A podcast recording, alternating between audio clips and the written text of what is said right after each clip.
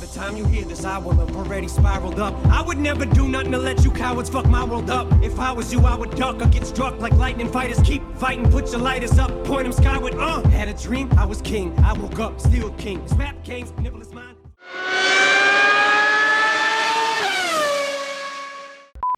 Selamlar. F0 Podcast'e hoş geldiniz. Ben Büşra ve bugün Celal'le İspanya Grand Prix'sini konuşacağız. Selamlar herkese. Geçtiğimiz hafta sonu Miami Grand Prix'sinin ardından İspanya'yı izledik. Miami Grand Prix'si nerede diye soranlar elbet olur diye düşünüyorum. İnanır mısınız Celal Covid oldu. O yüzden çekemedik. Öncelikle Celal'cim geçmiş olsun. Teşekkür ederim, teşekkür ederim. Ben de Covid'i London Norris'e bulaştırdım bu hafta sonu. Arkadaşlar bu arada şaka bir yana Covid olmadım. Hastaydım evet. Maymun çiçeği virüsüne yakalandım. O yüzden podcast gelmedi kusura bakmayın ama iyiyim şu an sıkıntı yok. Ruh hastası. İspanya'da gerçekten bol olaylı, bol arızalı, bol spinli bir yarış izledik bu hafta sonu. Çok fazla lan seni öldü biliyoruz. Cenazene geldik. Anısı yaşadık açıkçası. Sainz'dan, Hamilton'dan, Verstappen'den. Gerçekten ölenler de oldu Lökler gibi. Aslında güzel başlamıştı. Mini minnoş bir cumartesiyle başlamıştık İspanya hafta sonuna. Q1 ve Q2'yi atlıyorum direkt. Haaslar da benimle birlikte Q1 ve Q2'ye atladı mesela. Q3'e geçtiler. Sherlockler ise yine Q3'te böyle atmaktan çok çok çok keyif aldı spinlere rağmen Yok yani ölmesi bayılmış. dedi resmen ve o da pole pozisyonunu aldı. En önemli rakibi Verstappen turunu atamadı Q3'te. Yine buna rağmen ikincilikte yer aldı. Gerçekten inanılmaz bir çar. Asla anlam veremiyorum bu adama ben. Diğer en önemli rakibi yine cumartesi günleri Carlos Sainz oluyor kendisi. Yine ikinci çizgide yer aldı. Üçüncülükte başlayacaktı pazar günü yarışa. Aslında ilk üç çizgide Ferrari, Red Bull ve Mercedes'leri gördük sadece. Artık Mercedes'leri bu ön sıralarda görmek bana çok iyi geldi açıkçası. Hamilton'ı şöyle 5-6'larda değil de ilk çizgide falan görmeyi isteriz hala beklemedeyiz ama umuyoruz o günlerde gelecek. Gelişme var. Bir de bundan ziyade yine Valtteri Bottas geri kalanların en iyisi oldu. 7. sıradaydı. İyi bir performans cumartesi günü. Ek olarak da şey söyleyeceğim. Ricardo sanırım bu sene ilk defa Norris'i geçti. Uzun süredir çok kötü gidiyor. Ki bu hafta sonu da çok iyi bitmedi aslında kendisi için ama onun dışında stabil bir sıralama izledik. Yani bu sene izlemeye alışık olduğumuz bir sıralama yarışı vardı. Yine de güzeldi. Heyecanlı Aynen. doruktaydı. Leclerc Verstappen ikilisi her zaman bir heyecan vaat ediyor zaten. Alonso ve Vettel için yine kötü bir cumartesi oldu. Hatta Alonso Q2'ye kalamadığı için motor değişikliğine gitti ve yarışa da son sırada başladı. Dediğin gibi cumartesi günü yine Leclerc ve Verstappen heyecan kattı olaya. Evet. Yine alıştığımız bir senaryo aslında. Pol pozisyonunda Leclerc'in olması. Polde başlıyor da hani e, yarışı nerede bitiriyor gibi bir şey oldu son yarışlarda. Neyse ama şöyle de bir şey var. Startta gerçekten Verstappen'i çok iyi tanıyan ve bence yerini çok iyi koruyan bir Leclerc vardı. Starttaki araç konumlandırması işte ilk virajı önde dönebilmesi. Tüyler diken izledim yine. Yani sanki böyle çalışmış yalayıp yutmuş gibiydi Verstappen'i bence. Bir öte yandan da yine üçüncü başlayan yarışa bir başka Ferrari pilotu kanser ediyordu. İlk virajda iki sırayı o kaybetti bile. Sainz gerçekten muhteşem performansıyla bu yıl devam ediyor. Perez Sainz'i geçenlerden birisi oldu Russell'la birlikte. Yine Sainz'i aslında tam da geçebilecekken, mücadeleye girmişken bizim Aşkilton'umuz bir temas yaşadı Magnussen'le. Maalesef kafayı yedim. O sırada izlerken aslında bariz bir şekilde bence Magnussen gelip bayağı bildiğin çarpıyor. Bir de bana çarptı diyor ama yani adamın tekerini patlatıp edebinle bir çakıla doğru uçabilirsin. Sonrasında gerçi demiş hani tekrar izleyeceğim falan o sırada ne dediğimi bilmiyorum. Kötü bir start oldu yani Hamilton içinde. Bu şekilde bir özetleyeyim dedim Celal'cim. Sendeyiz. Ya ben kazanın biraz yarış kazası olduğuna inanıyorum. Ama yine de bir suçlu bulacaksak Magnussen %51 daha suçlu olan taraf bence de. Ben de senin gibi hatta sana yazdım kaza esnasından sonra. Yine mi? Yine mi aynı şey? Yeter artık falan hani. Yeni yarış aynı bok yine. Hatta bence Hamilton da bu psikolojiydi. Hatta şey demeci vardı radyodan. İsterseniz motoru saklayalım bu yarış yarışmayalım falan diye. Çünkü yani tam böyle yükselirken bu sonu iyi başlamışken Mercedes'te geliştirmeler varken Yunuslama sorunu çözülmüş gibiyken cumartesi günü yine 0.7 saniye farklı bitti. Yarışta böyle başlayınca yine aynı buhrana gireceğini düşündü Hamilton. Hatta hepimiz böyle düşündük. Yani Hamilton'ı seven de sevmeyen de izleyen herkes böyle düşündü. Hamilton da böyle düşündü tekrardan söyleyeyim. Ama öyle ilerlemedi. Kötü başladı. Çok da iyi devam etti. Masterpiece diyeceğim. Yani ustalık işi diyeceğim. Aslında öyle bir yarış ama hani adam kariyerinde 100 küsür, 100 küsür yarış kazanınca bunu demek o kadar da kolay olmuyor.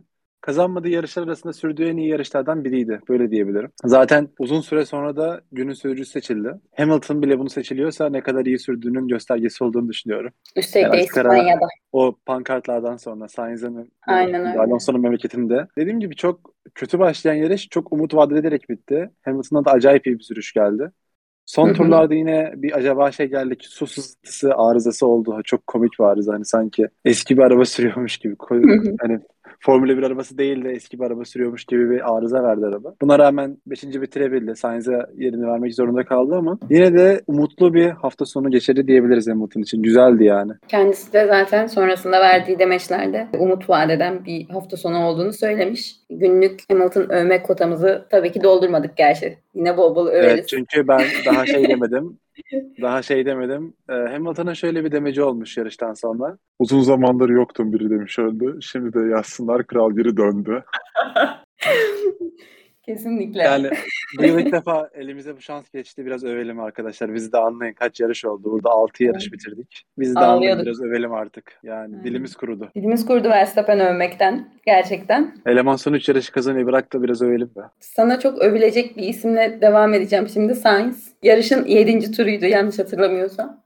Zaten 5.liğe gerilemiş bir Sainz. Bir de muhteşem bir spinle yine çakıl havuzuna daldı ve sanırım böyle bir 14. 15.liğe falan geriledi yanlış hatırlamıyorsam. Yani insanın kendi evinde böyle bir şeyin başına gelmesi çok kötüdür. Yani Sainz beni gerçekten harbiden gerim gerim geliyor yani. Artık bu talihsizlik olmaktan falan birazcık çıkmaya başladı bence. Bir anda böyle ekranda bu çakıl havuzunda bir Ferrari görünce dedim bu mallığı herhalde Lökler yapmıştır. Çünkü genelde o yapıyor ama işte yedeği de var yani onun da pist üstünde. Gerçekten korkunç bir hataydı. Berbat bir start almıştı Sainz zaten ama işte şimdi bakıyorum da gerçi gerçekten yarışı hani dördüncü olarak da iyi bitirmiş. Sainz geçen sene geldiğinde Ferrari'nin ikinci pilotu olduğu düşünülüyordu. Ama geçen sene kötü başlasa da iyi bitirdi. Hatta pilotlar sıralamasında üçüncü bitirmişti. Lökler'in önünde bitirmişti. Biraz da bunun getirdiği rüyayla, bunun getirdiği hayallerle bu senenin başında şey söylentileri vardı. İki pilot da eşit. Şu an birinci pilotumuz yok. İlerleyen süreçte karar vereceğiz tarzında söylemler vardı Ferrari tarafından. Ama şu an altıncı yarış bitti ve tek taraflı gidiyor bu yarış. Artık Evet. kafada bir ve ikinci pilotlar çok belli. Bence şu an Sainz bunu hazmedemiyor henüz. Ve bunun altında eziliyor. Yani her sıralamada ortalama Leclerc'den 0.4-0.5 saniye geride oluyor. Yarışlarda bariz zaten geride. Bunun da altında ezilmeye devam ediyor. Kendi evinde Barcelona'da bile çok kötü bir yarış, dağınık bir yarış. Sonra yine toparladı. Yani hakkını vermek lazım ama Hı o bir hata yaptıktan sonra belki de kazanabileceği bir yarıştı. Çünkü eğer Leclerc'in arabası hani DNF kalmasa Leclerc yarışı rahat bir şekilde kazanacak gibiydi. Yani öyle bir arabaya sahipken dördüncü bitirmek ya da hani sıralamada gerilerde kalmak hiç hoş bir sonuç değil. Bu bir değil, iki değil, üç değil. Artık sabırla taşıyor sanırım. En azından Ferrari taraftarlarınca, Tifosi taraftarınca Sainz'in kredisi doldu gibi. Katılıyorum. Özellikle Sainz yerini koruyabilmiş olsa ya da Verstappen ne güzel bir atak yapabilmiş olsa startta. Gerçekten Verstappen'in de hatasız bir yarışı yoktu sonuçta. O da spin attı yine aynı virajda. Çok heyecanlanmıştım hatta. Ee, Bir şekilde işte Sainz bu fırsatları kollayabilirdi yani öyle bir durumda. Verstappen de gerçi spin attı diyorum ama adama gerçekten hiçbir şey olmuyor. Yani kurşunla döktürüyor. Ne yapıyor anlamıyorum. Çakıl havuzuna giren bir insan nasıl çakıl havuzundan dördüncü olarak çıkar? Ben bunu hala çözebilmiş değilim. Yani önündeki de Perez zaten. Otomatik olarak üçüncü olarak çıkıyor. Perez Verstappen olayı da gerçi büyük bir olay bu yarışta ama enteresandı ya Verstappen gerçekten incelenmeliydi yine. Bak diyorum sana hatasız bir yarış yoktu bu kez çünkü Verstappen'de. Ama yine de birinci olarak bitirdi yani. Bir de bu durumu arttıran şey de var bence. Sainz'in hatasız bir sürüşünde galibiyet olasılığını arttıran şeylerden biri. Verstappen'in hani kendi sprinlerde de arabası da bozuktu. DRS'i çalışmıyor Evet, turlarca, birkaç turca. Ta- arkadan takip ettiği bir senaryoda geçmeme şansı yok gibi bir şeydi. İki denk arabada DRS'le uçar giderdi yani ve yaklaşamazdı eğer bir saniye üstüne çıkartırsa farkı. Aynen. Altın tepside sunulan bir fırsat daha kaçtı Sainz için. Belki de kendi evinde birinciliği kaçırdı Evet. yani Sainz. Ee, Verstappen'in bu hatasıyla birlikte Russell'ın aslında çok keyifli bir ikinciliğini gördük. Çünkü arkasında da harbiden DRS açamayan böyle Verstappen'le mücadelesi bence çok güzel.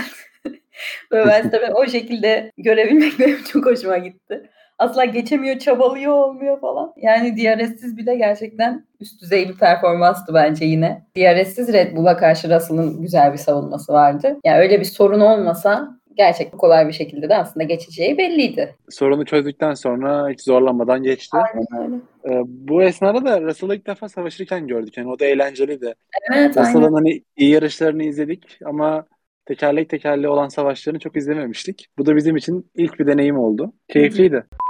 Yarış bu şekilde ilerliyordu. Aslında güzel, heyecanlı başlamış. Şimdi bir bakıyorum da ilk yarısı gerçekten güzelmiş. Yarışın çok çok hüzünlü bir anı oldu. 27. turda İspanya'da en önde böyle kendi halinde sessiz sedasız giden bir otomobil. Kırmızı bir otomobil. Hatta ikinci ile arasında da 13 saniye varken bir anda diye böyle yavaşlamaya başladı. Çok kötü oldum ya. Mahvoldum harbiden No no no no. diye bağırdıkça ben de evde bağırıyorum falan. En derinde hissettim üzüntümü. Senden izin isteyerek gözyaşlarımı silmeye gideceğim şimdi. Çok kötü bir andı.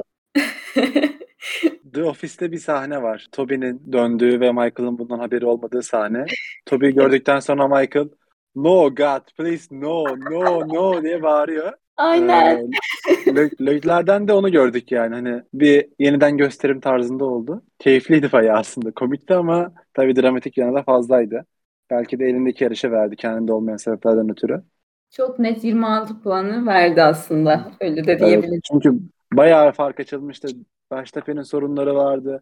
Sainz, Perez hepsi uzaktaydı. E, Net bir yarış galibiyeti girdi. Hatta ben şey bile düşünüyordum. Biraz daha farkı açarsa pitten sonra da lider dönme olasılığı olacaktı ve. Grand Slam yapabilir mi diye düşünüyordum ben. Sonra bir baktım güç kaybı ve arabayı çekmek zorunda kaldı. Yani bu hazin olaydan sonra da kısa bir süre zaten Russell'ı lider olarak gördük. İşte pit stratejileri, pitler, mitler derken de yine yeni yeniden Verstappen birinci oldu. Mate'ine teşekkür ederek tabii. Geçti onu da. Maalesef gerçekten kıl oluyorum. Kıl oluyorum ve tebrik ediyorum kıl olarak. Ondan sonra zaten onun içinde güzel, sıkıntısız bir yarıştı. Yani her an diyorum yani kafada kuruyorum böyle şuna da bir şey olsa hava sıcak Red Bull'un da bir motoru ölse falan. Ee, işte Perez unfair falan diyor. Dem ikisi hani biz seninle konuşuyorduk zaten çarpışsalar Evet. falan. Ama yaşanmadı tabii böyle bir şey. Bu şekilde zaten yine Verstappen lider olarak götürdü yarışı. Birinci olarak da bitirdi. Ya hazmetmesi güç belki de etik değil ama hani Red Bull'un ikinci pilotunun Perez olduğunu herhalde Perez dışında herkes biliyor. Ama Perez bunu kabul etmiyor. Yani hani hoş değil, belki etik de değil ama bu böyle yıllardır süre gelen bir şey bu. Yani herkes bir yerde Perez'in vereceğini biliyordu bu yere. Direkt vermiş olmadı da pit stratejisiyle vermiş oldu. Yine de onun için Perez için kendi adına süper bir yarıştı. Onu tebrik edelim. Ya Perez üstüne düşeni aslında gocunmadan yapan bir pilottu şimdiye kadar. İşte bu kez böyle bir haykırışını gördük ama kendi de aslında bu bunu yarıştan sonra konuşalım vesaire derken aslında konuştuğunda da hiçbir şey değişmeyeceğini muhtemelen biliyordu yani. Memur Perez diyebilir miyiz hocam? Memur Perez diyebiliriz. Peki Bottas'a inanılmaz iyi diyebilir miyiz? Bottas Alfa Romeo ile gerçekten harikalar yaratıyor bence. Bitirebildiği yarışlarda 6, 8, 5, 7 ve 6. oldu. Hep de puan aldı. Gerçekten bu yıl onun için çok iyi gidiyor. Mücadele ediyor ve orta sıralardaki mücadelesi de bence çok keyifli oluyor. Yine Russell çok iyi sonuçlar çıkarıyor bu sene. Hep ilk beşte bitirmenin ve istikrarlı bir şekilde devam etmenin dersini veriyor diyeyim. Bu hafta sonu Alonso için çok çok iyi bir sonuç geldi. 11 sıra yükseldi ve sonuncu başladığı yarışta 9. olarak bitirdi. Norris hastaymış bu arada yarış esnasında. Sen ne dersin doktor bey? Ya Norris cumartesi günü çok kötüydü. Ee, hatta az önce söyledim Ricardo'ya da geçildi. Sıralamalarda 11.ydi. Q3'e kalamadı. Sonra ben hemen Norris'i aradım. Dedim senin ilacın bende. Norris'e bir Nurofen yazdım. Alerjisi de varmış aynı zamanda bademcik iltihabı dışında. Alerjisi için de bir tane Fexofen verdim. Dedim bir tane de parolat rahat uyursun. Ağrılarını alır. Tamamdır dedi. Ertesi gün bir baktım uçuyor yarışta. 8. bitirdi. Puan aldı. Yani kendi tabiriyle çok zor bir hafta sonu atlatmış. Ondan bile 8. bitirerek puan almak gayet iyiydi. Çünkü Sonuçta Ricardo puan alamadan bitirdi yarışı. Birkaç tane daha ilaç önerim olacak. Carlos Sainz'a konçert öneriyorum. Biraz dikkat eksikliği var sanırım. Sürekli spin atıyor, yoldan çıkıyor, kaza yapıyor. Her gün bir tane atarsa çok dikkatli olur. Dikkati bayağı artar. Metilfenidat içeriği var. Sıkıntı yok. İçebilir. Yaşı da yeterli. Şimdilik bu kadar ilaç tavsiyelerimiz. Diğer yarışlara devam edecek. Hocam bana da Ferrari'nin kattığı bu mutsuzluk için bir ilaç önerir misiniz? Büşra'cığım sana da bir lustral yazıyorum. Bir antidepresan. Günde bir tane yut kendine gelirsin. Teşekkür ederim gerçekten. Lazım olan da bu. Özellikle Monaco haftası da yaklaşıyor. Ben bir dozu da belki sana sorarak arttırabilirim. Gerçekten Norris bu şekilde Norris'in takım arkadaşı Ricardo'yu ben unuttum bu arada. Ricardo denen kişinin nerede olduğunu, ne yaptığını falan unuttum. Aynen Gazli gibi. İkisi yoktu bence bu hafta sonu ve yarışmadılar. Vardılarsa ve neredelerse de bilmiyorum görmedim. Tsunoda da çok güzel bitiriyor bence yarışları son zamanlarda. Kötü bir araç var altında ama takım arkadaşının böyle çok daha önünde oluyor gibi her zaman performans olarak. Yine puan aldı zaten Tsunoda da 10. olup. Zaten Zach Brown da McLaren'in başındaki şahıs da Ricardo'nun beklentileri karşılayamadığını kabul etti. Yani ilk defa kesin ve net bir söylem geldi McLaren tarafından. Bu da belki ilerleyen zamanlarda bize bir ayrılığı gösteriyor olabilir. Bundan ziyade beni üzen bir durumu sen de söyledin. Ben Gazi'yi çok seviyorum biliyorsun ama bu sene Evet. Tsunoda bayağı atak yapmaya başladı. Sanırım son 3 yarıştır da önünde bitiriyor. Bakalım devamında neler göreceğiz. Galiba konuşmadığımız bir isim kaldı. Lewis Hamilton. Ee, Yeteri kadar konuşmadığımız diyelim. biliyorsunuz ki 5. bitirdi yarışı. Sonuncuydu ve 25.liğe yükseldi. Onu da bir tekrar tebrik ederek yavaştan İspanya Grand Prix'sini noktalayalım yarışı. Cuma günü ve cumartesi günü interneti sallayan bir pankart vardı Hey Lewis, Russell faster than you. diye. Hı hı. Bayağı da dalga geçildi bunun üstüne. Hani Russell'ın bu seneki iyi performansının üstüne yapılan pankart diye. Hı. Sonra bir baktık pankartın arkasında dört tane Alpine bir tane de eh, Renault formalı insan var. Tabii ki tahmin edeceğimiz üzere Alonso fanları. Tabii ki. Hamilton yine Alonso fanlarını üzdü. Gerçekten süper bir yarıştı onun adına. Süper bir yarıştı. Ve dediğin gibi yani İspanya'da Alonso'nun evinde orada günün sürücü seçilerek de güzel bir cevap oldu. Yine Alonso fanları Hamilton'ın ustalığını izledi. Keyifliydi bu açıdan da. Bir sonraki yarış Monaco Prensi Charles Leclerc'in evinde. Ben F0 bir podcast sunucusu olarak buradan bütün Ferrari ekibine sesleniyorum. Bence arabanın kenarına köşesine şöyle bir bakın. Bir muskadır, bir büyüdür, her an bir şey çıkabilir. Ben olsam şöyle bir sökerim, bakarım, tekrar takarım. Çünkü kesin bir şey var yani. Monaco öncesi özellikle dikkat etmeniz lazım. Bu çocuk artık bu yıl şeytanın bacağını kırsın istiyorum. Gerçekten yoksa ben antidepresana başlayacağım. Bilmiyorum ne hale gelirim. Yani bu hafta sonundan sonra telefonlarımı kapatmak istemiyorum ben artık. Abartı seviyesi. Maalesef. Gerçekten evde çıldırıyorum abi. Bak abartmıyorum. Bu seneki Leclerc'in Qualify performansını gördükten sonra doğal olarak umutlanmamız gerekiyor bence de hani bir Monaco zaferi için. Ve bunu bütün Formula 1 fanları istiyordu diye düşün. Genç yıldız. Belki de şu an en iyi döneminde. Tam Monaco'da da yarışın yani büyük çoğunluğu sıralamada belli oluyor. Leclerc'den yine iyi bir yarış görürsek kazasız belasız, iyi bir cumartesi görürsek o çok beklenen zafer gelebilir. Ama bu da senin dediğin üstüne katıyor yani. Leclerc'e de sormuşlar hani nasıl hissediyorsun falan diye. Biraz gerginim falan demiş. Çünkü son iki yıl onun için iyi geçmedi. Kıyamam. Özellikle geçen sene polo aldıktan sonraki o kazası çok üzücü, trajikti. Bakalım bu hafta sonu ne olacak? Ama buna rağmen e, bir şey sorusunu gördüm onu da söyleyeyim. Leclerc'e sormuşlar kendi evinde yarış kazanmak mı yoksa şampiyonluk mu diye. Leclerc şampiyonluk demiş hani. O kadar şey değil şu an. Hani, trajik değil. Öyle diyebiliriz. Güzel. Ama bakalım eğer Monaco'yu kazanırsa Leclerc kafayı toplayabilir. Daha ciddi düşünebilir diye düşünüyorum ben. Ama eğer yine bir trajik, üzen bir yarış geçirirse belki şampiyonanın seyri değişebilir.